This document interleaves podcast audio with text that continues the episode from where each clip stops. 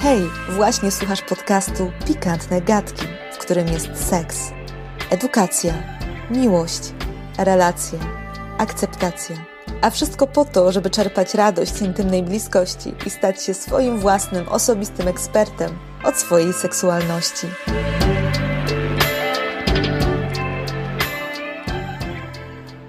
Cześć, dzień dobry, dobry wieczór. Czy wysłyszeliście to nowe intro? Nowiutkie, jeszcze nieśmigane, pierwszy raz publikowane, a to wszystko z okazji najnowszego odcinka podcastu, 11 już, więc można powiedzieć, że wkraczamy w nowy sezon, w nową erę. Zmieniłam intro też dlatego, że ja się zmieniłam przez ten czas e, publikowania tych wszystkich odcinków. Ja dowiadywałam się różnych nowych rzeczy na temat mojej seksualności, dlatego troszkę jakby przeformułowałam i zmieniłam cel tych podcastów, bo teraz jakby głęboko wierzę w to, że kiedy każdy z nas zaakceptuje swoją seksualność, stanie się ekspertem od swojej seksualności, to to dopiero pozwoli każdemu z nas wskoczyć na wyższy level Ars Amandi i cudaczyć z większą radością. Każdemu z Was tego życzę. Stąd właśnie to wyjątkowe nowe intro. A jeżeli chodzi o dzisiejszy temat odcinka, to też jest wyjątkowy, podobnie jak intro, dlatego że temat wybraliście sami. I cieszę się, że akurat wybraliście ten temat, bo to niezmiernie ważne, żeby wspierać swoje dziecko w odkrywaniu jego seksualności. No to ten tego zaczynamy. Jak rozmawiać z dzieckiem o seksie? Zestawienie tych dwóch słów, seks i dziecko, no różnie z ludźmi rezonuje. Dlatego nawet w tobie może pojawić się mm, pewien zgrzyt, jakaś emocja. E, może być bunt i niedowierzanie. Ja mam rozmawiać z dzieckiem o seksie, ale, ale po co? Przecież takie tematy, no to trzeba od dziecka odsuwać, a nie podkładać mu na tacy. Ze mną nikt nie rozmawiał o seksie i jakoś wyrosłam, wyrosłem na ludzi. Jemu się też nic nie stanie. No i to też prawda. Każdy z nas z brakiem edukacji seksualnej jakoś sobie w życiu poradził. Jakoś szedł przez ten świat. Ale tak szczerze, tak szczerze, tak z ręką na serduszku, tak powiedz mi, czy nie przydałaby ci się rzetelna wiedza w tym czasie? Żeby tak bezpiecznie, bez wstydu wkroczyć ten nowy świat odkrywania naszej seksualności. Edukacja seksualna to nie opowiadanie dzieciom o, o technikaliach i o pozycjach seksualnych i o tym, że penis wchodzi do pochwy. To jest coś więcej, bo seksualność człowieka to coś więcej. Seksualność jest jak ogród, który dostajesz w spadku, chociaż wcale o ten spadek się nie prosiłeś ani nie prosiłeś. Dostajesz go też bez żadnej instrukcji obsługi, e, mimo że nie masz pojęcia, jak się nim opiekować. I w tym ogrodzie, w tym ogrodzie Twojej seksualności znajdują się różne rośliny. Niektóre dostałeś, dostałaś od swoich rodziców, od rówieśników, od szkoły, inne od kultury. Większość z tych roślin, mm, większości z tych roślin, no nie możesz tak sobie wyrzucić. Musisz nauczyć się je pielęgnować. Są ci dane na zawsze i musisz je jakby oswoić. Inne mm, rośliny, na przykład to od kultury, od rodziców, możesz przesadzić w inne miejsce, żeby lepiej rosły i służyły ci lepiej, inaczej. Nie możemy też za bardzo podpatrzeć od sąsiada, jak tym ogrodem się opiekować i, i zgapić od niego parę trików, bo jeśli w swoim ogrodzie masz na przykład paprotki, a sąsiad hoduje pomidory, bo dostał pomidory w spadku, to opiekowanie się twoimi paprotkami, tak jak pomidorami mm, sąsiada i używanie tych samych metod, y, technik, no sprawi, że twoje paprotki uschną. Bo twoje paprotki potrzebują cienia, wilgotności, a pomidory sąsiada słońca i ciepła. Y, każdy z nas kształci się w byciu ekspertem od swojego ogrodu i to jest bardzo ważne. Każdy z nas jest ekspertem od swojej własnej seksualności. My, jako ludzie, kształcimy się w odkrywaniu tej naszej seksualności całe życie i naszym obowiązkiem jest wspierać i nie przeszkadzać w tym kształceniu naszym dzieciom. W tym naszym ogrodzie seks to tylko jeden z elementów, taki malutki wycinek. Jest tego wiele więcej. Na Twoją seksualność składa się ciało, świadomość i akceptacja tego ciała, poczucie komfortu y, dotyczące Twojego ciała, czy je lubisz, czy je nie lubisz, jak się w nim czujesz, jak się z nim czujesz, jaki masz do niego stosunek. Dalej mamy też intymność. Każdy z nas ma taką potrzebę doświadczania bliskości emocjonalnej z drugim człowiekiem. Ale to jeszcze nie koniec, bo mamy też tożsamość seksualną, czyli świadomość bycia kobietą albo mężczyzną, świadomość swoich narządów, orientację, preferencje seksualne, role płciowe.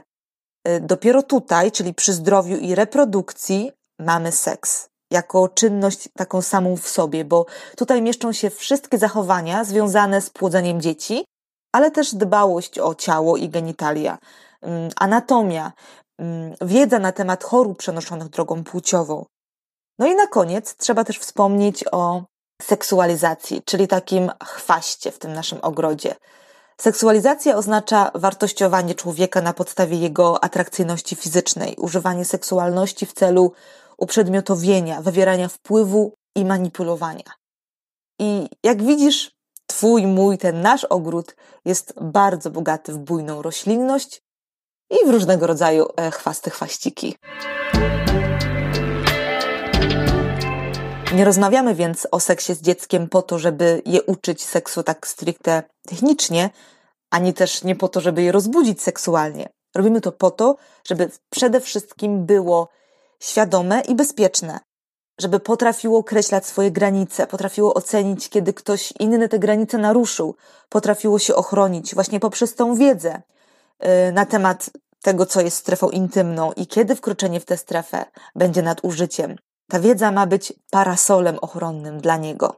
Mówimy też o seksie, a dokładnie właściwie o tej seksualności, po to, mm, bo to temat związany z relacjami, zdrowiem, ciałem, po to, żeby dziecko rozumiało otaczający go świat, żeby rozumiało, jak zmienia się jego ciało i umysł, na przykład w trakcie dojrzewania, i że te wszystkie przemiany są naturalne i normalne i dotykają każdego człowieka, żeby wiedziało, że świat nie jest czarno-biały, że ludzie są różni, że nie zawsze samo posiadanie penisa y, świadczy o byciu mężczyzną i że nie wszystkie dzieci przychodzą na świat przez pochwę. Chodzi o pokazanie tej różnorodności otaczającego nas świata. I wreszcie rozmawia się o seksie i seksualności po to, żeby dziecko potrafiło w przyszłości budować dobre, zdrowe relacje. Takie, gdzie jest otwarta komunikacja, żeby było asertywne i wiedziało, że seks to nie temat tabu, a nasza płeć i tożsamość nie są powodem do wstydu, bo przecież wszyscy już w łonie matki jesteśmy istotami seksualnymi. Ale zanim zaczniemy rozmawiać z dziećmi o seksie, fajnie by było porozmawiać ze sobą, żeby tak się upewnić, które słowa i zachowania dzieci nas najbardziej przerażają albo zawstydzają, gdzie leżą nasze granice, jak reagujemy albo zareagowalibyśmy na przykład na masturbację dziecka. Co się w nas pojawia, kiedy myślimy o kąpieli z dzieckiem, ale z dzieckiem przeciwnej płci, o kąpieli y, nago w wannie, jak rezonują z nami takie słowa jak cipka, kupa, fiut. Bo możliwe, że dziecko kiedyś tych słów przecież użyje. Żeby te rozmowy z samym sobą ułatwić, warto dowiedzieć się, które zachowania dzieci są typowe na różnym etapie ich rozwoju. To z kolei nam samym może dać takie poczucie e, bezpieczeństwa i spokój, że to jest ok. Takie zachowanie jest typowe dla tego wieku, nie trzeba od razu panikować i wszystko jest w normie. Na potrzeby tego podcastu mam dla Ciebie do pobrania PDF z takimi właśnie typowymi zachowaniami dziecka od niemowlęctwa aż po okres dojrzewania. Mm, żeby tutaj się już nad tym nie rozwodzić, bo ten temat też jest szeroki i tutaj osobny odcinek by z tego powstał. Tak więc link do tego PDF-a będzie w opisie do podcastu, będzie można pobrać go y, ze strony.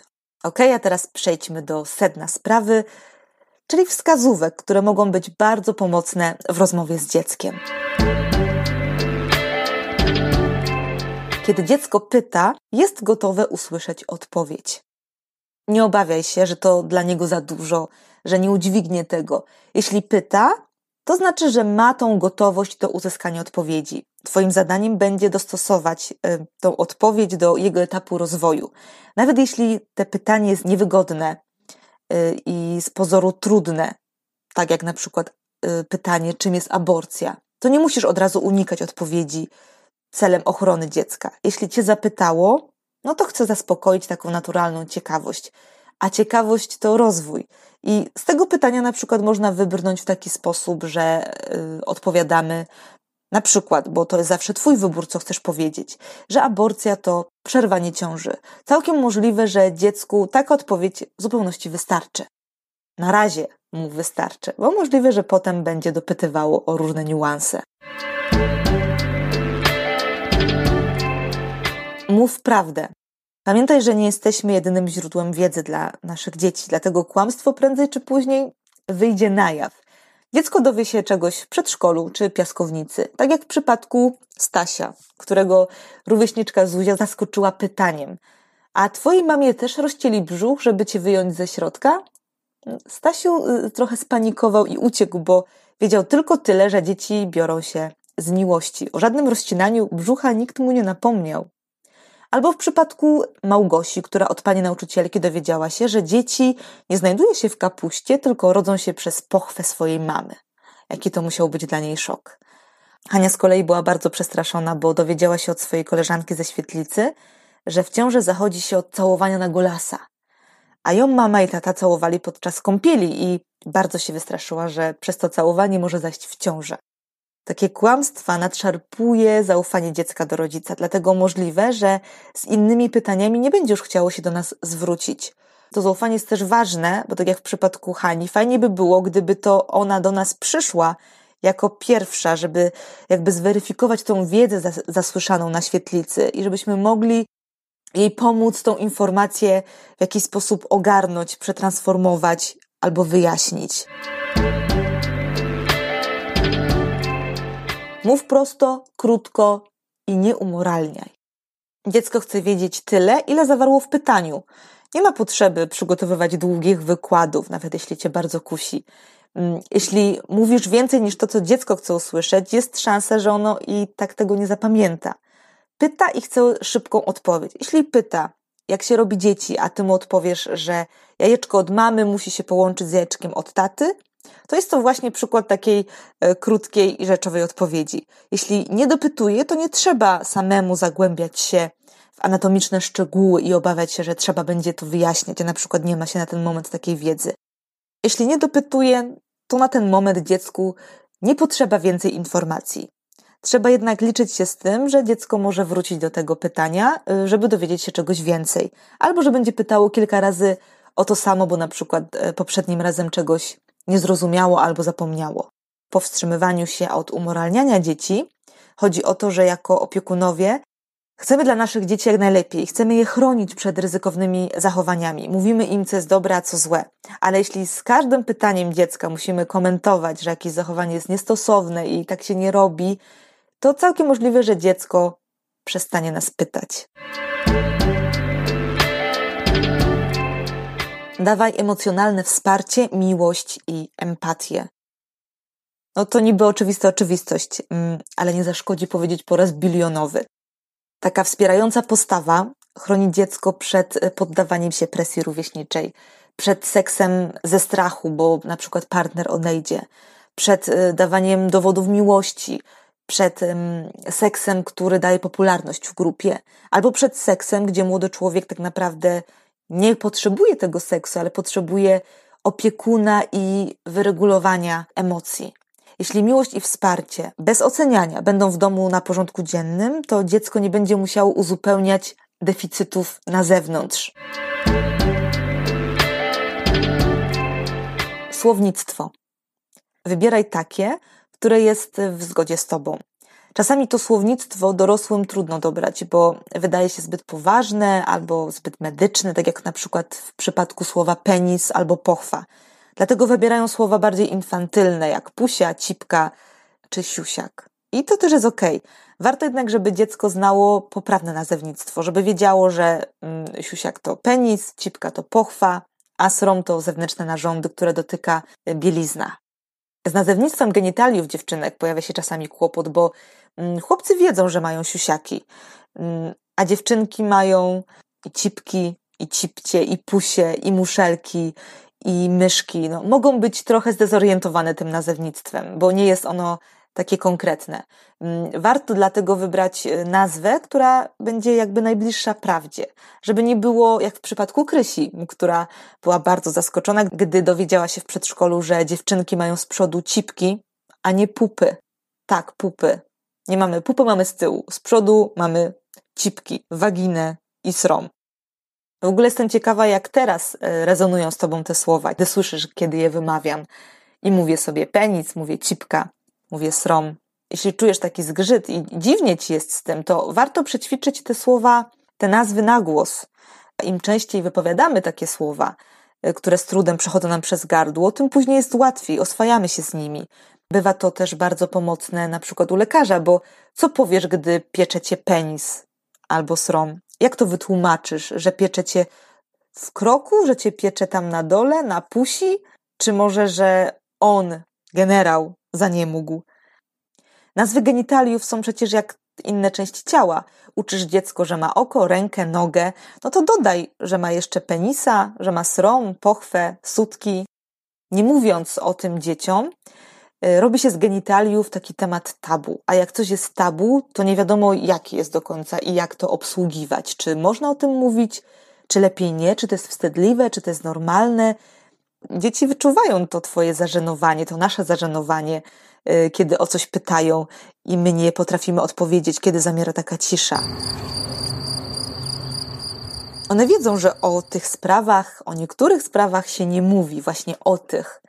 A o wszystkich sprawach związanych z naszą seksualnością powinno się mówić i można mówić, bo są tak samo naturalne, jak olej z pierwszego tłoczenia.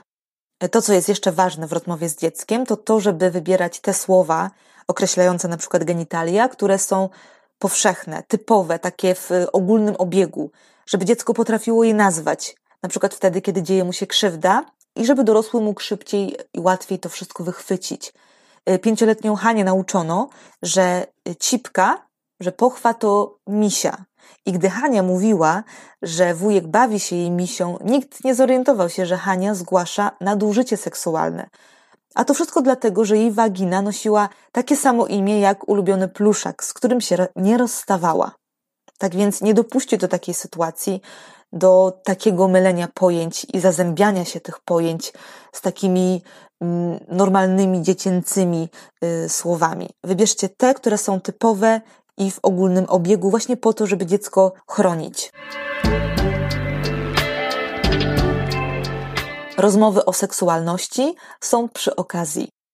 Możemy mieć czasem takie błędne wyobrażenie, że przychodzi taki moment w naszym życiu jako rodzica i w życiu naszego dziecka, że siadamy naprzeciwko niego z miną i tonem głosu mentora i mówimy: Jasiu, Małgosiu, macie już 8 lat, więc nadszedł czas, żeby was wtajemniczyć w wiedzę dotyczącą edukacji seksualnej. Więc od dzisiaj będziemy się uczyć o anatomii, tożsamości, płci, menstruacji, nocnych polucji, dojrzewania i wszystkiego, co będzie Wam potrzebne.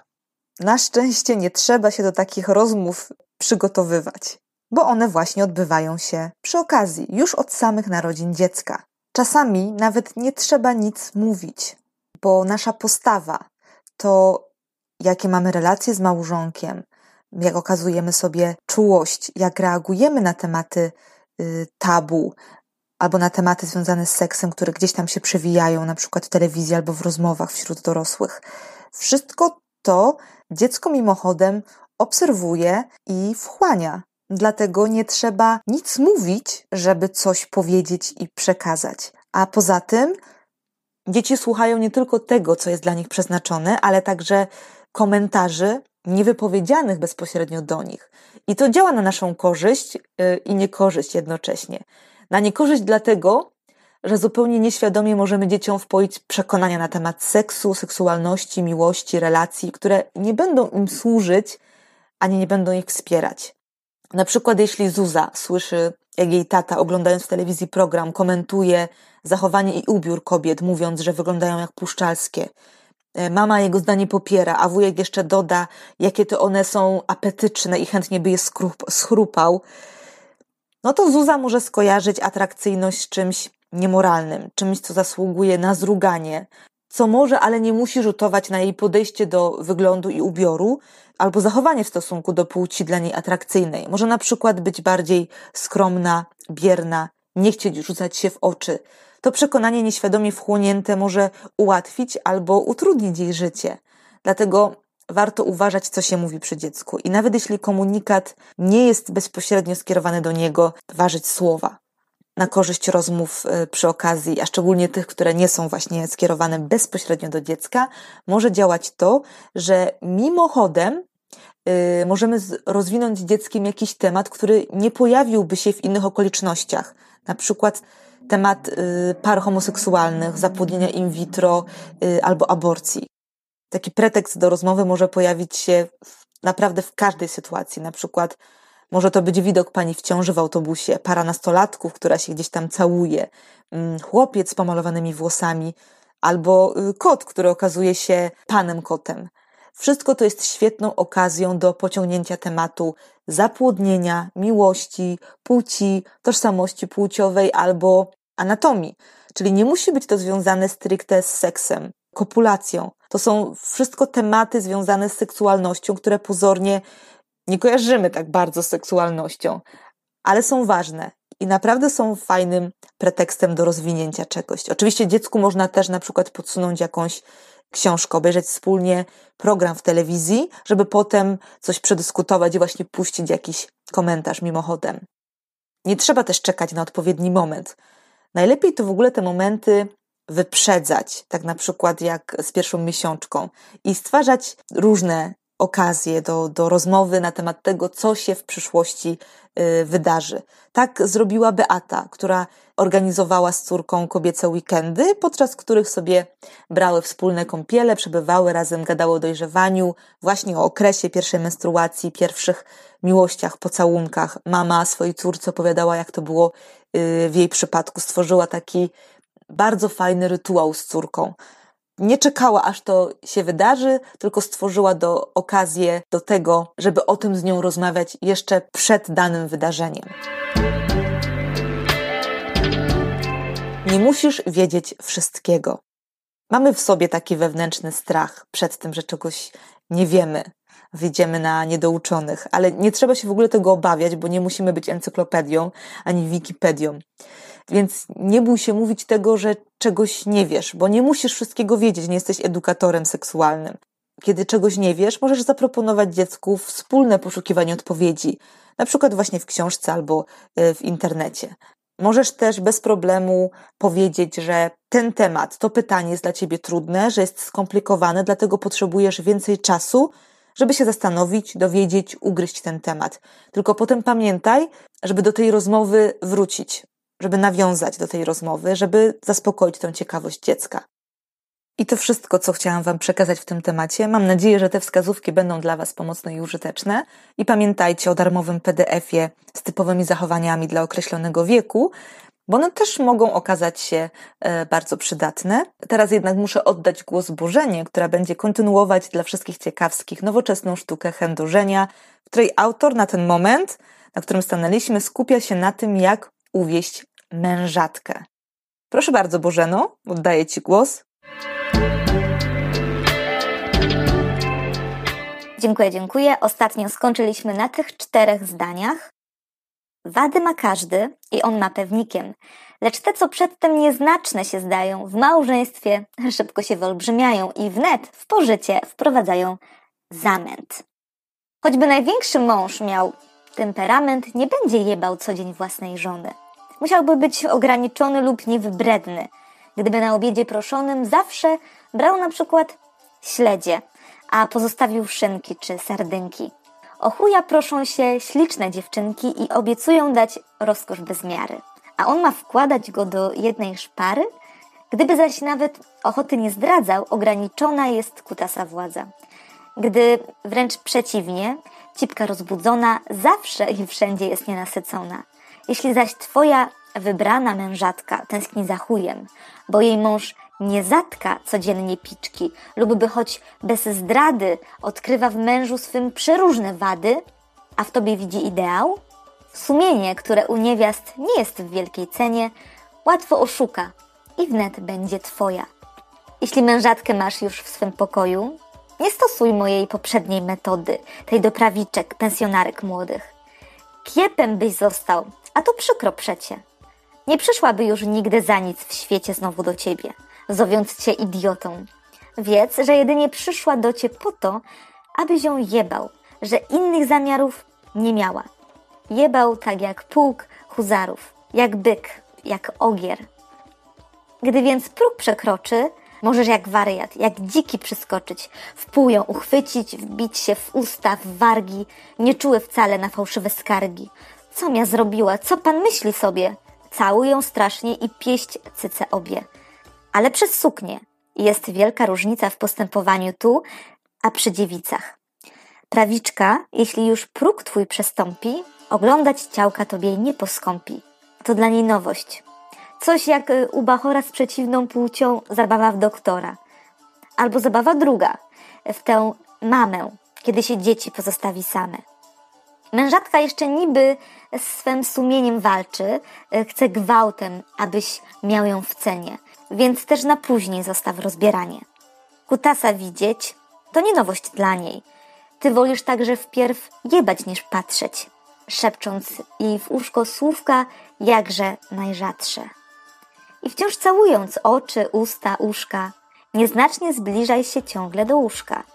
Ona nie powie na to nic, bądź pewny, całusów dając tobie deszcz ulewny.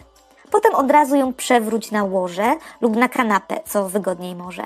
Suknia do góry, spodnie na dół szybko, minutę tylko pobaw się jej cipką i jeb jak wściekły. Jeśli zaś mój miły, a to potrzeba, masz ku temu siły, gdy raz się spuścisz, nie wyjmuj kutasa. Niech ci nie mięknie całkiem, lecz niech hasa. Dalej w poteczce niech zostanie w środku, aż znów stwardnieje i obracać potkę zacznie na nowo. Wówczas spermy strugą, nową, poczekać możesz bardzo długo. Jeśli poczujesz, że już z jąder goni, wyjmij kutasa i przytrzymaj w dłoni. Potem znów wracaj i wal z całej siły. Dla dziewic krótki stosunek jest miły, bo jest bolesny, lecz dla doświadczonych cipek najlepszy byłby nieskończony. Dziękuję Ci bardzo, Bożeno.